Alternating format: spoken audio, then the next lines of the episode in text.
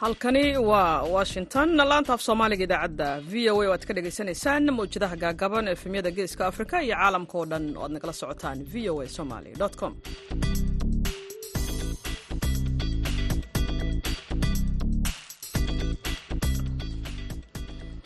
Duhur wanaagsan dhegaystayaal dhammaantiinba waa maalin axada bisha janaayo waa koob iyo labaatan sanadku waa laba kun afar iyo labaatan afrikada bari saacaddu waxa ay tilmaamaysaa kowda iyo barka duhurnimo magaalada washington d c ee idaacadda sida tooska idinkaga imaanaysana saacaddu waa shanta iyo barka aroornimo idaacadda duhurnimona waxaa idinla socodsiinaya anigoo ah caashi ibraahim aadan.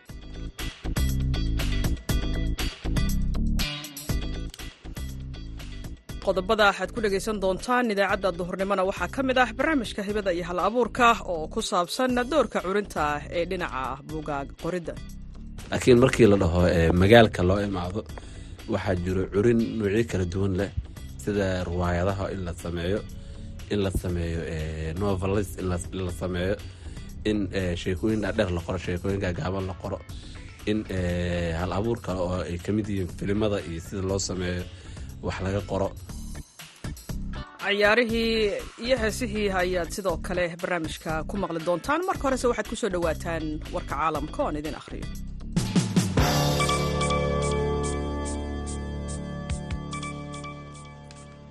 diyaarad gaar loo leeyahay oo laga leeyahay dalka ruushka oo siday lix qof ayaa la rumaysan yahay in ay ku burburtay degaan fog oo ku yaalla baadiyaha dalka afghanistan. Sida ay mas'uuliyiintu sheegeen shilkan ayaa sabtidii waxa uu ka dhacay degaan buuraleya oo u dhow degmada layidhaahdo zabag ee gobolka badakhstan. Sida uu sheegay afhayeenka gobolka zabiixullah amiiri isagoo intaa ku daray in koox samata bixin ah loo diray degaanka uu shilku ka dhacay xafiiska taliyaha booliska badakhshan ayaa sidoo kale waxaa bayaan uu soo saaray uu ku xaqiijiyey in shilkaasi uu dhacay. Dhanka moscow mas'uuliyiinta duulista rayidka ee ruushka ayaa waxay sheegeen in diyaaradda layidhaahda dasuud falcon toban la waayey taasoo ay la socdeen afar shaqaale ah iyo laba qof oo rakaaba. Diyaaradda ayaa waxa ay u shaqaynaysay sidii diyaarad ambalaas ah oo ka soo duushay magaalada layidhaahda gaya ee dalka hindiya kuna sii jeeday magaalada tashkent ee dalka usbakhistan una sii socotay garoonka caalamiga ah ee layidhaahdo zabakhvov ee magaalada moscow. Diyaaradda ayaa waxa ay joojisay sida hadalka loo dhigay xiriirkii waxaana ay ka luntay shaashadaha raadaarka sida ay sheegeen mas'uuliyiinta. Kuuriyada waqooyi ayaa sheegtay in ay ogolaatay in ruushka uu la yeesho iskaashi xeeladaysan oo dheeraada si loo sameeyo sida hadalka loo dhigay nidaam caalami ah oo cusub iyada oo labada dal ay ka shaqaynayaan sidii ay u dhisi lahaayeen weji midaysan oo gooni ah taas oo sii xoojinaysa xiisadda kala dhexaysa maraykanka. Wasaaradda arrimaha dibadda ee kuuriyada waqooyi ayaa xaddan waxay sidoo kale sheegtay in madaxweynaha ruushka valadimir putin uu xaqiijiyey in uu doonayo inuu booqdo pyongyang mar uu toddobaadkii hore magaalada moscow kula kulmay wasiirka arrimaha dibadda ee kuuriyada waqooyi kuuriyada waqooyi ayaa si firfircoon waxa ay u xoojisay xiriirka la leedahay ruushka iyada oo hogaamiyaha dalkaasi kim jong un uu isku dayayo in uu ka baxo go'doominta diblomaasiyadeed oo uu xoojiyo cagihiisa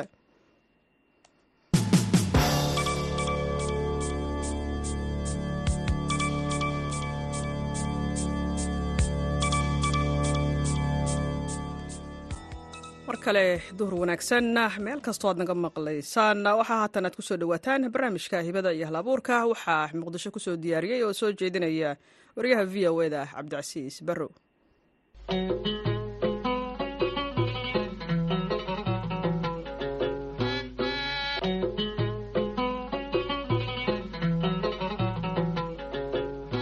Nabad dhegaystayaal ku soo dhowaada barnaamijka hibada iyo halabuurka oo idinkaga imaanaya magaalada muqdisho waxaa idinla socodsiinaya anigoo cabdilcasiis barrowa toddobaadkan guud ahaan waxaynu ku eegi doonaa habcurinta qoraalka iyo dhigaalka buugaagta af soomaaliga ah iyo sidoo kale dowrka dhallinyarada wax qora waayadii dambe ay wax u qorayeen iyagoo ku eegaya marxaladaha ka taagan dalka soomaaliya. Suuragalse ma tahay in qalinka iyo qoraalku ay u baahan yihiin curin iyo weliba inay la yimaadaan qofka wax qoraya hal abuur inuu leeyahay marka ugu horreeya barnaamijka ayaan ku falanqayn doonaa arrimahaasi iyo weliba qoraalka muhiimadda uu leeyahay xilligan soomaalida iyadoo dunida dhinaca teknolojiyada ay sii aadayso. Xasan cabdulaahi cabdiraxmaan oo xasan qaraabo loo yaqaano islamarkaana ah mid ka mid a hogaanka ururada qoraalka ee ka jira magaalada muqdisho ayaa barnaamijka iigu martiya. Xasan waxa uu horay u qoray dhowr buugaaga uu ka mid yahay buugga hoggaan iyo hogaamin xasan aad baan ugu faraxsanahay barnaamijka inaad qeyb ka tahay maanta marka hore soo dhowow bal waxaad iiga warantaa in wax la qoro ma waxay u baahan tahay curin. Waa dhowahay marka hore marka labaad haddaan u galo jawaabta weydiintaada wax walba waxay u baahan yihiin in curin qofka uu yeesho.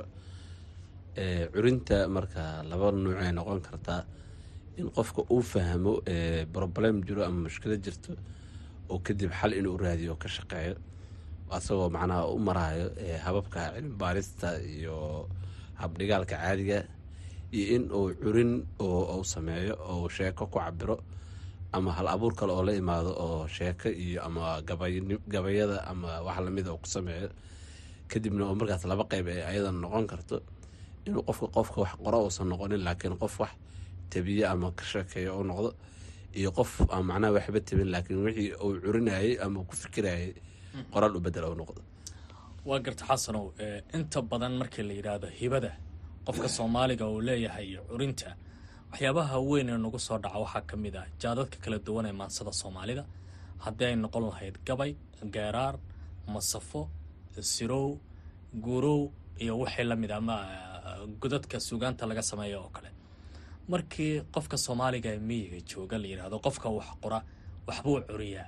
Sidee looga dhaadhicin karaa waad is horta waxaa la lahaa likulli maqaalin lahu maqaam walikulli maqaamin lahu maqaal. Meel walba waxaa say u taalaa loola yaalaa habka marka qof walba aala u falgelaysidna waxaa rabaa inaad maankiisa iyo garaadkiisa aala falgashad.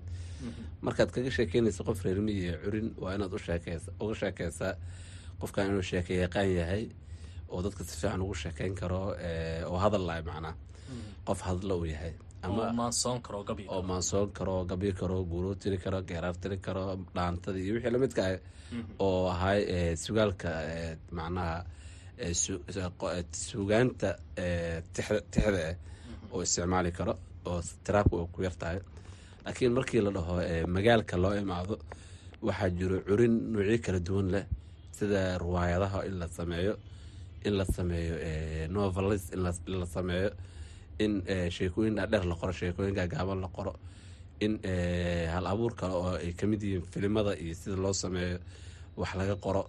Waxyaabahaas oo dhanaa marka imaanaya marka magaalo la joogo. Marka waxa kala duwayo waxa waaye hadba meesha la jooga waaye iyo qaabka loo isticmaalayo. Marka markaa xagga joogtid cuninta markaa u isticmaalaysid qofkaas sida uu fahmayo oo maankiisa durbaba ku soo dhacayso inuu aad oga sheekaysid waaye qofka magaalada joogana markaad ka hadlaysidna waxa maankiisa hore kaga soo dhaca inaad oga sheekaysid waaye halka ay dadka qaarasu macnaha ay dhahaan qofka markuu riwaayadaha iyo maasada iyo wax dhan sameynaya ee u yaqaana inuu yahay abwaan abwaan u yaqaanaan waa gartay. Dunida markaad timaado oo kale carabta waxaa jira majalaad riwaayaad ah oo la qora oo sheekooyin silsilada ah oo mararka qaarkoodna filimaan laga dhigo soomaaliya oo kale markii aad timaado fanka qoraalka markaad soo dhex istaagto waxaad arki kartaa sheekafaneed kooban oo kale in la qoray ama sheeko gaaban oo kale.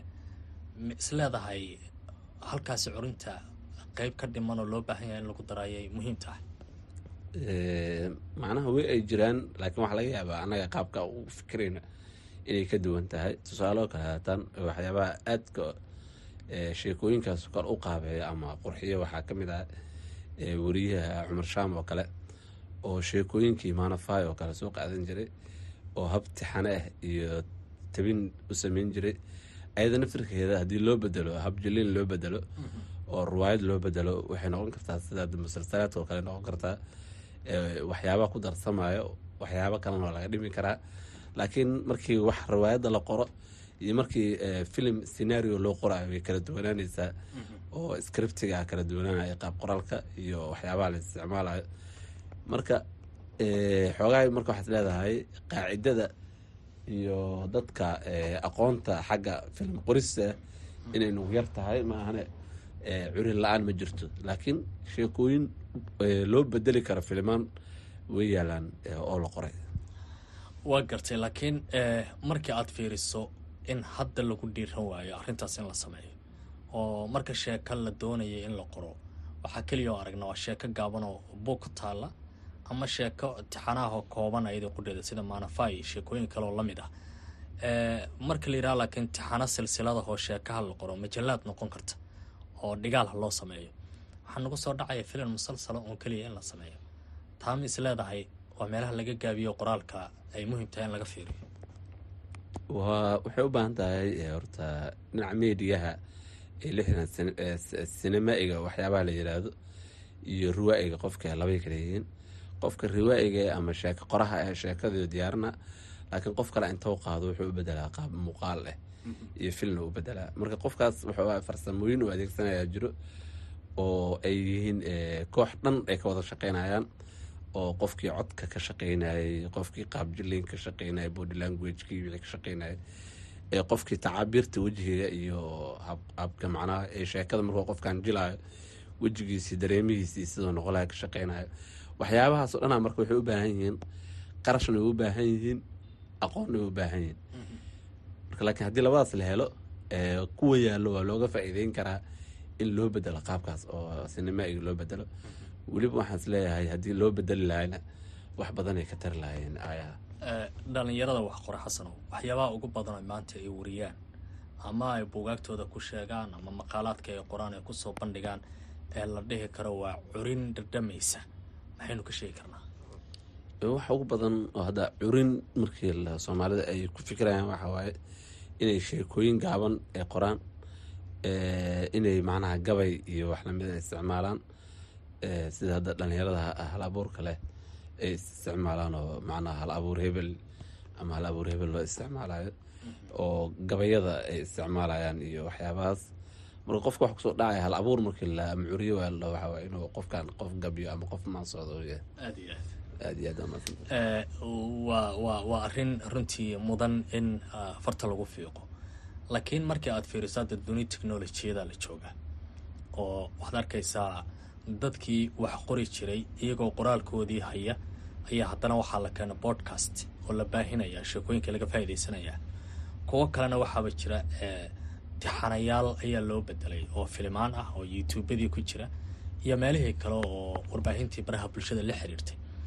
Iyadoo taasi laga faa'iidaysanayo ma kula tahay doorkaasi maanta in badan oo dhalinyarada wax qora ah uma muuqato. Haddii aad tihiin qoraalka ee muqdishona arrimahaas ma u aragtaan muhiimad idin leeyihiin waan u aragnaa waana waxyaabaha ugu badan oo aan ka fikirno waxaan ku fikirna waxa waaye dadka in la baro habtabinta ama storytellinka waxyaaba loo yaqaano.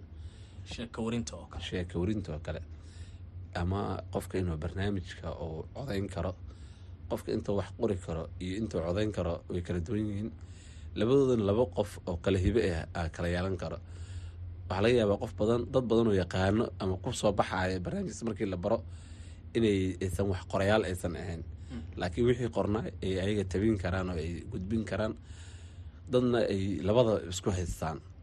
Marka waxaa u baahanta waxaa qofka in mawhibada ku dhex jirto iyo hibadii allah subxaana watacaala oo siiyey ee laga soo saaro oo la baro.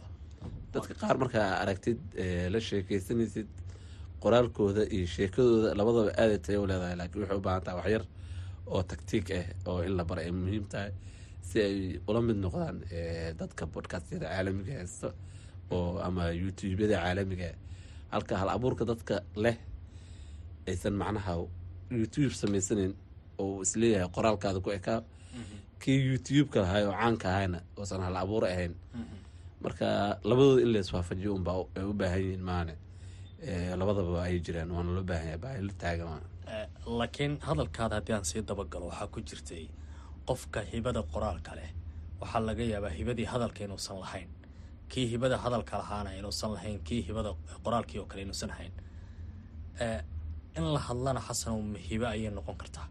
Bal haddii aan halkaas sharaxaad ka bixino in wax la qorana mahibay noqon kartaa. Sidee qof wax qorayo aana wax u sheegi karin? Su'aalaha imaanaysa arrintaas looga jawaabaya wax oo soomaali keliya ku eg maahan duniyadao dhan ay ka jirtaa dad badan waxaa jiro markay wax qorayaan qoraalkooda aada cajiib uu yahay laakiin markii dadka hor hadal dhaho aan laba erey issaari karin. Tusaale hadda u soo qaadano waxaa jiro nin masaare ahaa mustafa minfaluutillo kitaabadiisa iyo adabiyaadkiisa markaa akrinaysid aadaa ula tacajube. Laakiin markii dad ka hor hadal dhaho ma hadli karo. Waxba ma sheegi kara macnaha iskumana aad aadi kara ereyada sidaas si lamidana dad badan oo soomaali ah oo waxaa jiro markay wax hadlayaan ama sheeke ay sheegayaan sheeke yaqaano ah. Laakiin qoraa haddii qor la dhaho aan qori karin. Waxaa haddii karin. Waxaa jira kuwo kaloo sheeko qoraayo ah oo haddii la sheekada nooga sheekeeya haddii la aan ka sheekey karin. Marka waxaa waaya labada qof inta isku hesha aada u yar yihiin laakiin adduunka waxay ka faa'iidaystaan waxa waaye qofna mawhibadiisa ahayd codka iyo habtabintii iyo wixii wuxuu uga faa'iideynaya qofkii qoraagaha ayasoo la shaqeynaya macnaha qofkan wuxuu u soo diyaarinaya qoraalka asagiina qoraalkii wuxuu ugu bedelaa cod ugu bedelaa marka isla shaqeyntaas in la sameeyo oo dadka wax qoro qoraalkooda uu fiican yahay ee helaan dad qoraalkaas u bedelo cod ugu bedelo weli waxaa la xasuustaa sheekada manafai. Marka dhinaca fanka iyo sheeko qoraalka loo yimaado oo iyadoo wax la corinaya haddana qalankeed la isticmaalo. Tiraati wax lagu sheegaya markaan texda ka imaano ilaa iyo hadda sheekooyin maanafai u dhigmi kara oo soomaali ah. Marka laga reebo sheekadii aanadii nageeyey oo ibraahim howd uu qoray. Waxa yar sheekooyinka ama qalinka dhinacaas loo qaaday. Ma innaga soomaali ah ayaan u haysanno in aysan halka wax badan jirin mase in la fahmo in sidaa wax loo celiyo ayaa xasan oo yar. Maxay tahay sababta fanka qoraalka arrintaa la xiriirta u kicilaya horta waxaa la lahaa waxyaabaha qaar trendy iska noqdaan. Manafai trendy ay noqotay. Waxay noqotay sheekadii ugu horeysay oo sheeko nuuceeda loo qoro macnaha sheekooyin kale la qori jiray ayaan daraan iyo kuwo kale la mid ah laakiin sidaas ayada oo loo qoray oo isku dhexdarka labada lahjadood qaabka magaalada iyo waxyaas loo qoray iyo xili macnaha ay koobnayeen buwaata sheekooyinka soo bixistooda oo ay soo baxay darteeda waxay keenta horta inay caan noqoto. Waxaa kaloo sii saaciday in dad oo sida hadda aan kuu sheegay hadal yaqaan ahaa aan qorayaal ahayn ay u bedeleen sheeko sheeko ha masraxiyaad idaacadeed u bedeleen oo ay macnaha saas caan ku sii noqotay oo idaacadaha laga soo dayin jiray. Marka waxyaabahaas o dhan marka waxay saacideen in ayada kor u kacdo. Laakiin waxaa jirta sheekooyin kaloo cajiib ah nolosha kale nasiibka nolosha oo kale buuggaas. Waaye axmed xaayo allah naxariisto. Waa buug jirayaal badan ay ku jiraan sheekadeedana cajiib ay tahay oona ka sheekeynaya sheekooyinka xilligaas iyo waqtigaas jiray laakiin waxaa nasiib wanaag macnaha xilligiis kuma soo aadin oo caan moosa noqonin. Marka dadka soomaalida ma fahansano macnaha sheekada iyo waxa laga faaida sheeka un sheeka unbay u haystaan. Laakiin ma fahansano inay sheekada ay broblem iyo mushkilad iyo dhibaato jirtay ama xaalad markaas jirta oo laga soo gudbay ay sheegayso oo loo baahaya inaan lagu laabanin. Waxyaabaas day u fahmi lahaayeen sheekooyinka aada u akrin lahaayeen wayna dhuuxi lahayen wax badan ka faidi lahayeen dadka qorana way badan lahaayeen oo ku tabiya arrintaas way jiraan dad badan hadda sheeko qora laakiin xiisaha waxaa u yeelen waxaa waay dadkii akrin lahaa ayaan jirin macnaha sheekooyinka akrinayn oo dadka inta badan hadda buwaata dhiirigelinta oo kale marka laga hadlo dhiirigelinta aada u akrinayaan oo taas maxaa keenay in dhiirigelin soomaaliya suuqa yeelato? Waxaan la yidhahda motivationalka iyo taxfiiska maa la yidhahdaa in aada loo diiradda loo saaro maxaa keenaya waxaa keenayo maadaama dadka dhalinyaro ay u badan yihiin ooy macnaha shaqo la'aan iyo wax jiraan qof wal marka wuxuu u baahan yahay in looga sheekeeyo shaqaa samayn kartaa waa socon kartaa waa buubi kartaa do waxaan waa samayn kartaa ha seexanin. In ugu yaraan sariirta laga soo kiciyo. In shidaal lagu shubo u baahan yahay. Marka sidaas daraadeed marka waxaa keenayso qofka ixtiyaajaadkiisa baahiyaad baahidiisa ahaad inuu arrimahaas ogaado ama uu awood oo ka helo waxay u badan tahay dhinacaas u badan tahay. In qofka la wacyigeliyo lagu celceliyo lagu celceliyo laakiin qofka markuu gaaro darajadaas oo ka baxo wuxuu u baahan u gudbaa markuu darajadaa ka baxo qofka wuxuu u baahan yahay markaas darajo oo ku dhiso maankiisa buwaag maankiisa dhisi karo garaadkiisa dhisi karo oo uu ka faa'iidayo tallaabooyinka xiga noloshiisa soo u qaadi lahaa. Sida inuu macnaha hagaajiyo dakhligiisa oo kale kuwaasna ayagana aaday u gadmaan. Kadib wuxuu ka sii fikiraa qofka markaas waxyaabaha loo yaqaano siyaasadda iyo inuu galo falsafiyaadka faraha la galo oo macnaha oo ka fikira siyaasadda iyo qaabka loo qaabeyn lahaa marka saas u sii socona qofka darajada marka sheekada marka dadka inta badan sheekooyinkeena oo aan ku salaysnayn eh, waxyaabahaas sida tan diskafiski oo kale hadday aalaayeen ama sheekooyinka adduunka oo siyaasadaha laga qoro kale hadday aalaayeen waxay noqon lahayeen buugaagta dhaqaalaha ee laga qoro iyo sida economiga adduunku isku wareejinayo iyo meelaha fursadaha ka jiraan iyo adduunyada buugaagta lagu sii adrosaa lagu sheegaa. Soomaalidu ma akhrisaa? Soomaali waliba muqdisho markaan joogo. Soomaali inta waxaas akhrisa aada u yar tahay sababto ah weli waxay scoobkoodiia wuxuu ku kooban yahay xamar iyo wax la mid ah iyo soomaaliya.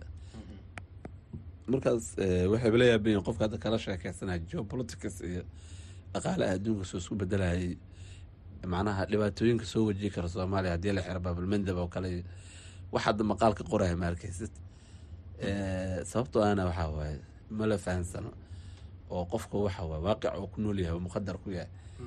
Marka haddii laakiin oo qofka ufuqiisa oo furnaa lahay uu macnaha meesha fogo wax ka arkay meesha fog wax ka arkaya furnaa lahayd waxa uu ka macnaha ka hadli lahaa waxyaabaas dadkana markaa waxaa soo sheekaysid waxay u arkayaan inaad tahay nin waalan oo macnaha waxay u arkaa ma lagu soo warramay kuleeyihiin ma lagu soo khabray marka dhibaatada meeshaas ka jirtaa fahamka oo liito wacyiga dadka oo liito waaye.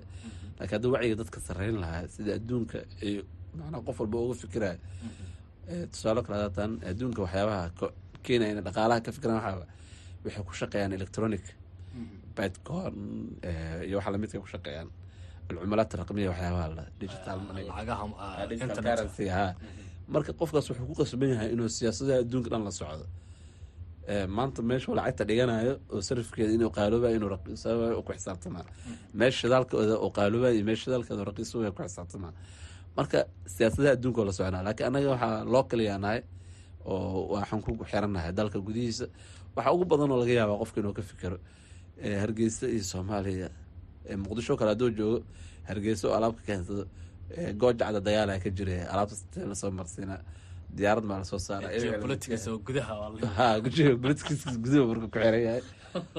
Marka baahida aa mar walba waxay keenaya inuu qofka oo meel fog wax ka fiiriya marka baahida anaga dunida banaanka aan la qabno waxaa u malaysaa ayadoo aada u badan haddana laakiin uma fahkarno sida inay macnaha baahidaas dhibaatada nagu keeni karto muhiimada tahay xasan cabdulaahi cabdiraxmaan aad ayuu u mahadsan yahay. Akhyaarta nala socota barnaamijkii hibada iyo halabuurka. Inta ayuu ku dhan yahay waa cabdilcasiis barrow idi leh. Nabadgelyo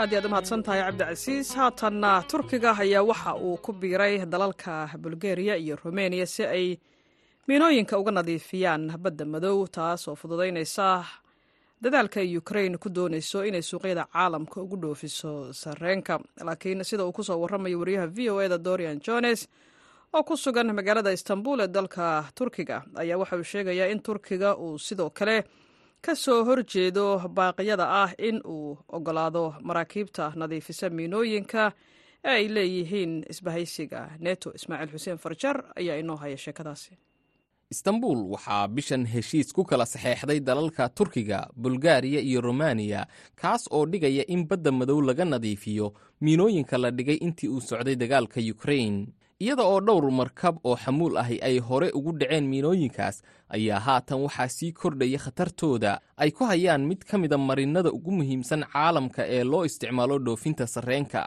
Tayfuun osbeg waa sarkaal hore oo ka tirsanaa ciidamada badda ee turkiga haatanna ah falanqeeya dhinaca amniga ah. Because the merchant ships cannot detect these mines as they are semi-submerged on the water. sababtoo ah maraakiibta ganacsigu ma ogaan karaan meelaha ay yaallaan miinooyinkani maadaama oo ay ku dhex milan yihiin biyaha. Waxaana laga yaabaa in ay ogaadaan xilli dambe oo ay miinadii jiidheen taasoo halisteeda leh.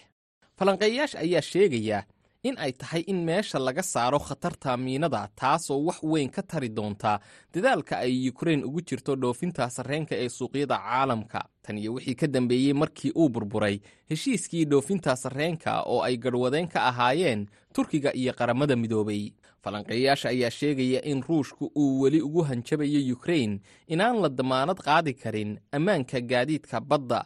Laakiin ankara waxay rajaynaysaa in koruqaadista ammaanka maraakiibta yukrain in ay dhiirigelin u noqon karto in moskow ay mar kale dib ugu soo laabato heshiiskii dhoofinta sarreenka ee yukrain masuud kaasin oo ka tirsan jaamacadda yediteebe ee istanbul ayaa leh nadiifinta miinadu waa arrin muhiim ah.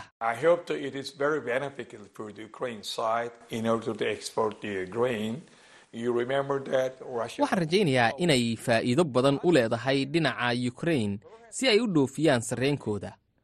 Waxaad xasuusataa in ruushku uu ka baxay arrintan.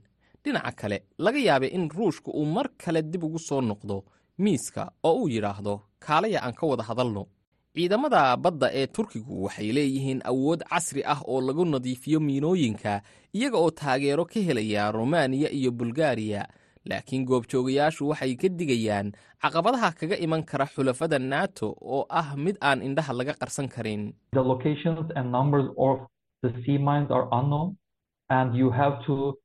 Goobaha ay yaalliin iyo tirada miinooyinka ee badda ku aasani ma aha kuwo la garanayo marka horena waxa ay tahay in la ogaado kadibna aad burburisaa.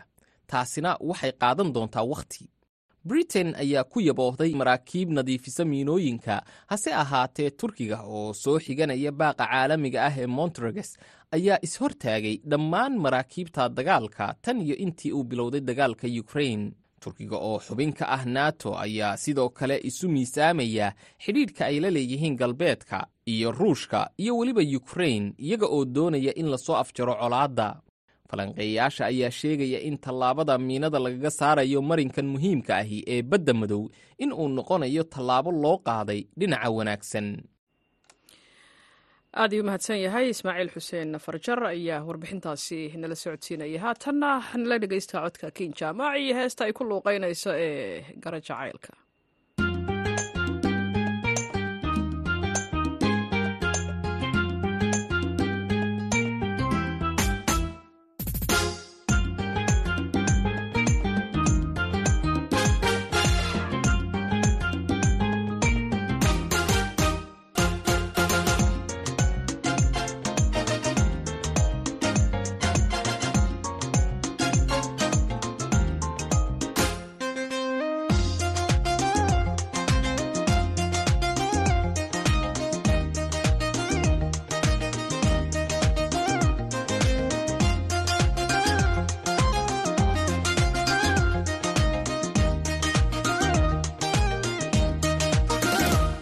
garo